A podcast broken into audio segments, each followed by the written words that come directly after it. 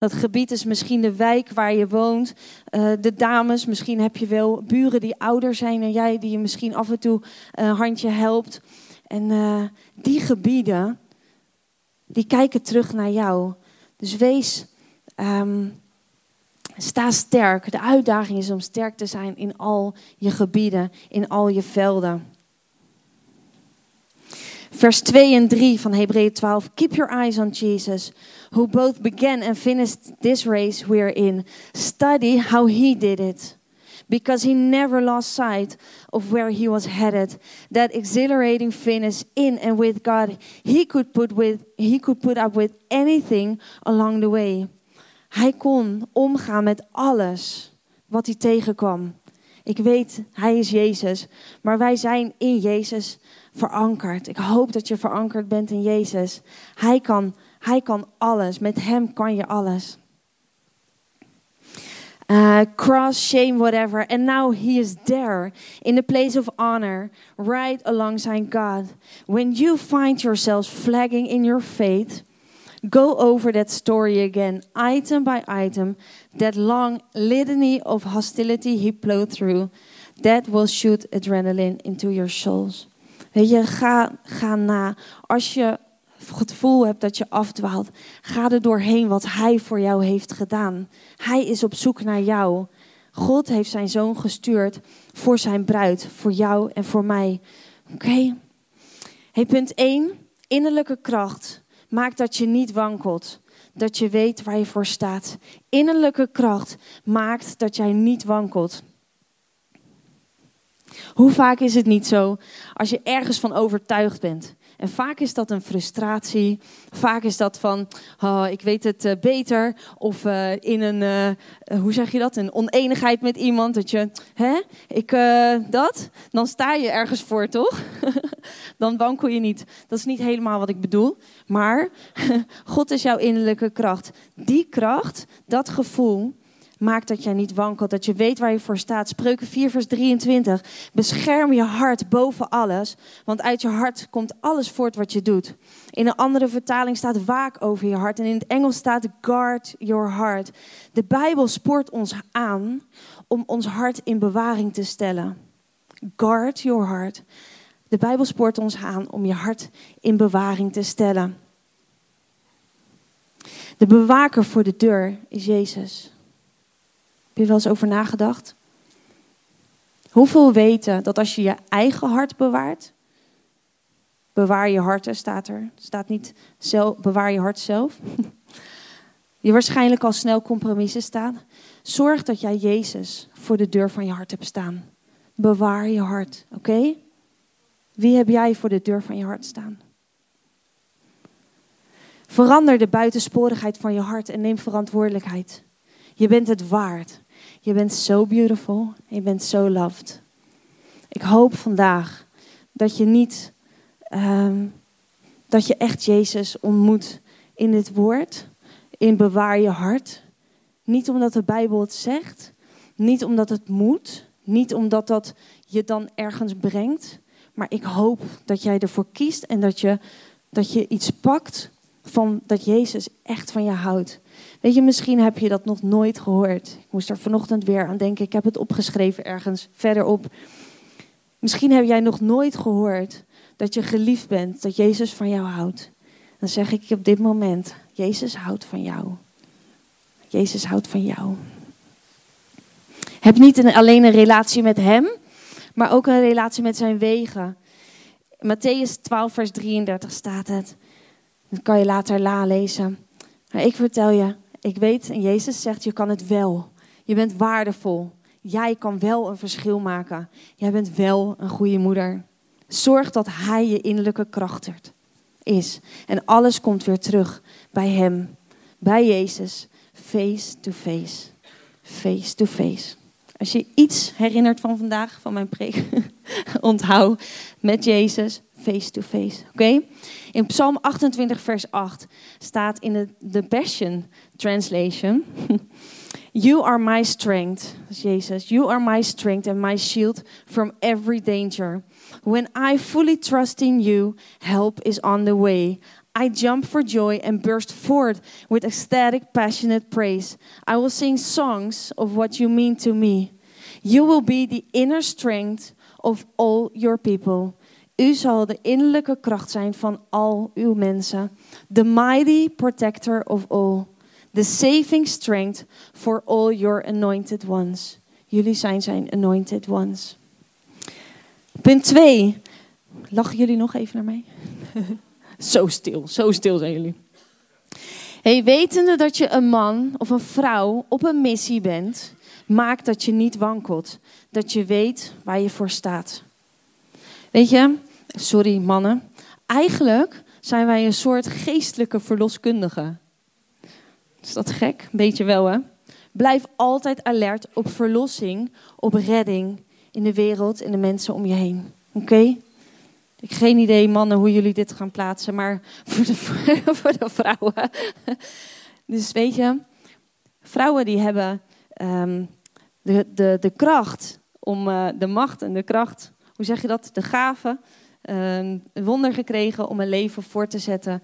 Dus um, iets dieps. Wij, wij weten dat we op de wereld staan om leven door te geven. Oké? Mannen, ik weet dat jullie ook een deel hebben daarin, maar daar ga ik maar niet over uitweiden. Oké? Hey, baarpijnen. Net voor de geboorte uh, van een baby is vaak een moment van nood, van chaos, van pijn. Ik wil je niet bang maken, het kan ook allemaal heel goed gaan. Waar is Siar? Siar, ben je hier of ben je aan het voeden? Oh, ze aan het voeden. Nou, Ciara, Henk, die, uh, die is er uh, vol getuige van geweest. Zit op de voorste rij. Dat is, uh, is Cindy hier ook? Kijk hoor. Vandaag is zij de, ja, is Marcus, is de jongste baby hier. En volgens mij is Alexander, de baby van Cindy, die is één dagje later geboren. Dus die, dat zou dan net de allerjongste zijn. Maar vandaag in ieder geval niet hier.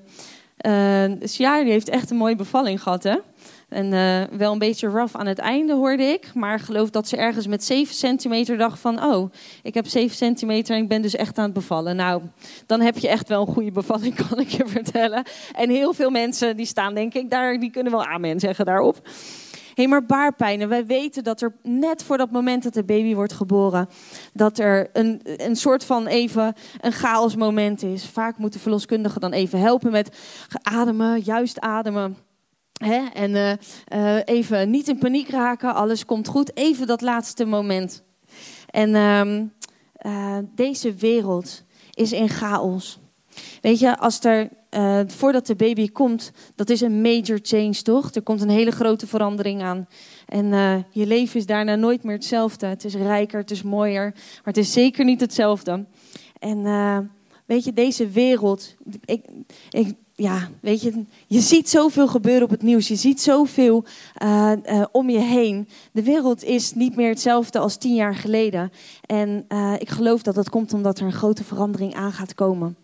Um, ik geloof dat we, voor God is duizend jaar zijn dag en andersom. En hoe hij dat ook in tijd uh, heeft gemaakt, dat gaan we allemaal zien. Dus we weten niet wanneer hij echt komt. Maar ik geloof wel dat we echt in het eind van de tijd leven. En dat we steeds meer zien gebeuren van wat er in de Bijbel staat beschreven. Dus ik weet niet wanneer Jezus terugzien komt. Maar we zien wel dat de Heilige Geest zich wereldwijd aan mensen laat zien.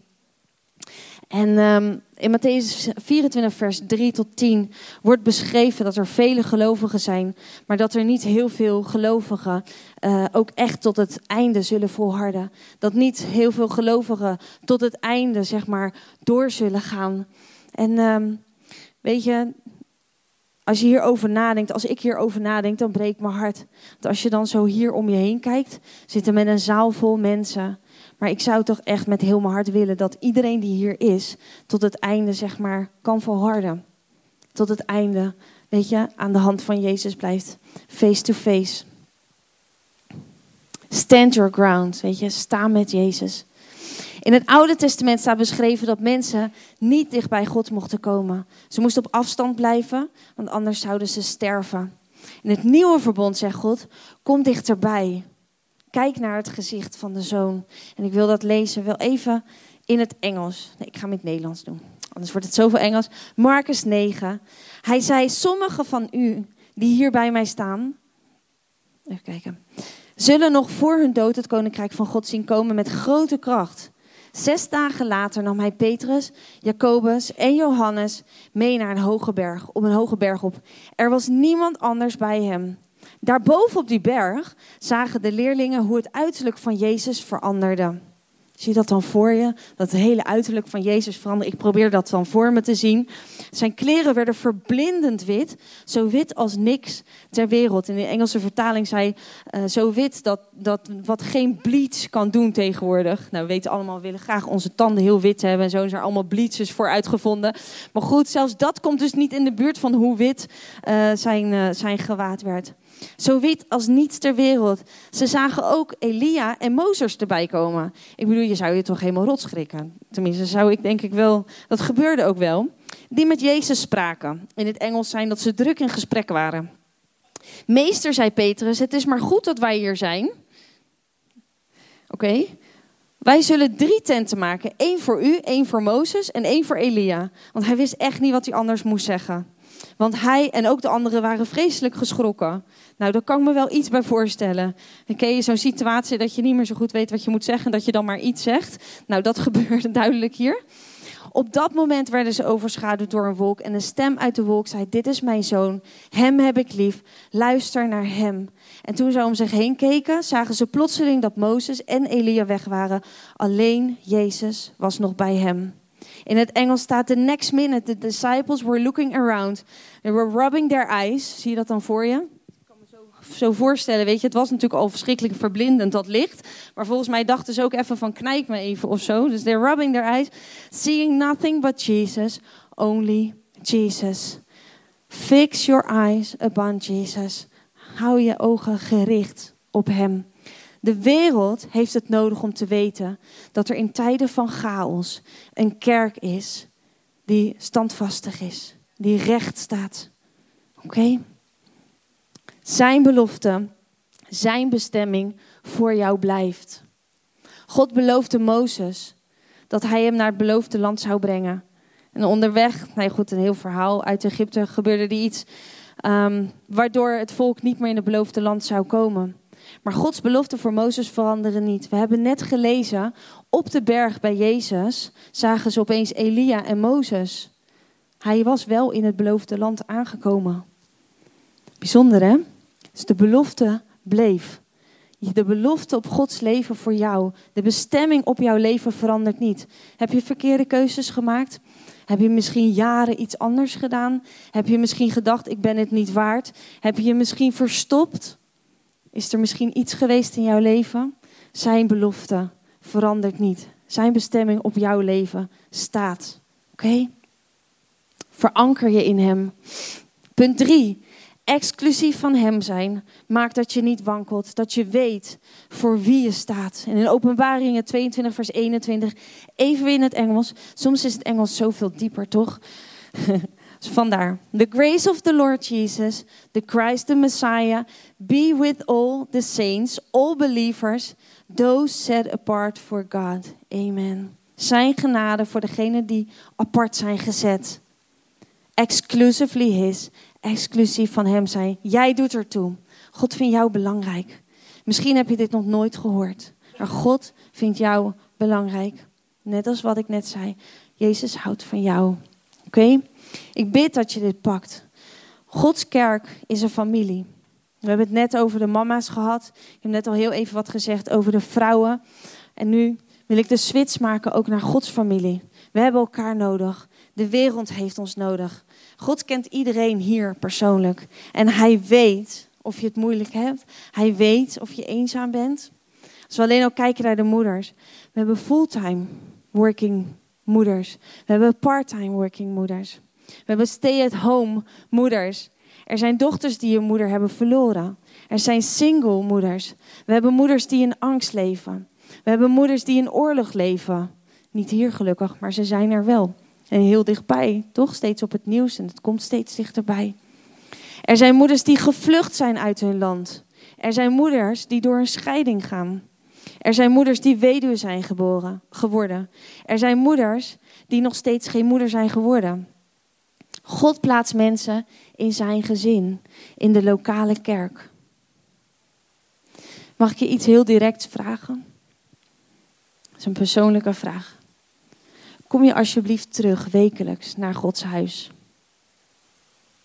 Jij zou net die schakel zijn voor die ene persoon die binnenloopt. Die ene moeder die het eigenlijk op dat moment niet meer ziet zitten. Jij zou net die schakel zijn. Stel je voor dat je dan thuis was gebleven. Ja, kan je denken, maar God kan toch iedereen gebruiken? Ja, dat kan. Dat kan zeker. Maar ik geloof wel, en ik geloof heel zeer zeker, dat jij hier bent in dit seizoen met een doel en een bestemming en een reden. En wat als iedereen zo zou denken? God kan toch iedereen gebruiken? God is een God van generaties. En jij bent van betekenis voor iemand. Op de plek waar je nu bent. Denk je van, God kan mij echt niet gebruiken. Ik uh, sta s'nachts op uh, voor mijn baby en uh, ik weet niet eens wat ik dan voor gekke dingen uitkraam. Geloof me maar, ik denk dat elke moeder dat moment heeft gehad. Als je daardoor. Mijn man lacht op de voorste rij. weet je, God kan jou gebruiken waar je nu bent op dit moment. We leven in een gebroken wereld. Jij bent van betekenis. Kijk om je heen en bid. Voor wie kan ik een dochter zijn? Een moeder zijn? Voor wie kan ik een oma zijn? Voor wie kan ik een vriendin zijn? Jij doet ertoe. If not you, then who is de vraag. You are so beautiful and so loved. Ik vraag je, God vraagt aan jou, geef je beauty door. Mag ik voor je bidden? Vader, bent zo goed. We houden zoveel van u. En Heer, ik bid dat u op dit moment uw vrouwen, uw meiden, uw girls, maar ook uw jongens, uw mannen, de vaders, dat u hen ook bedient. Heer, ik bid dat als er twijfel is, dat als er angst is, als er hopeloosheid is, als er gewoon de sleur van het leven is, als er wie ben ik, wat zou ik kunnen betekenen is, als er, ik zou zoveel willen doen, maar het gaat niet. Heer, ik bid, Vader, dat u nu op dit moment in de harten van de, van de girls, van de meiden, van de moeders ruimte maakt. In de hoofden. Ik bid, Vader, dat u uh, verbindt, dat u herstelt. Ik bid dat u uw meiden laat zien dat ze waardevol zijn, geliefd, zo loved en so beautiful. Heilige Geest, dank u voor wat u doet. Dank u, Jezus.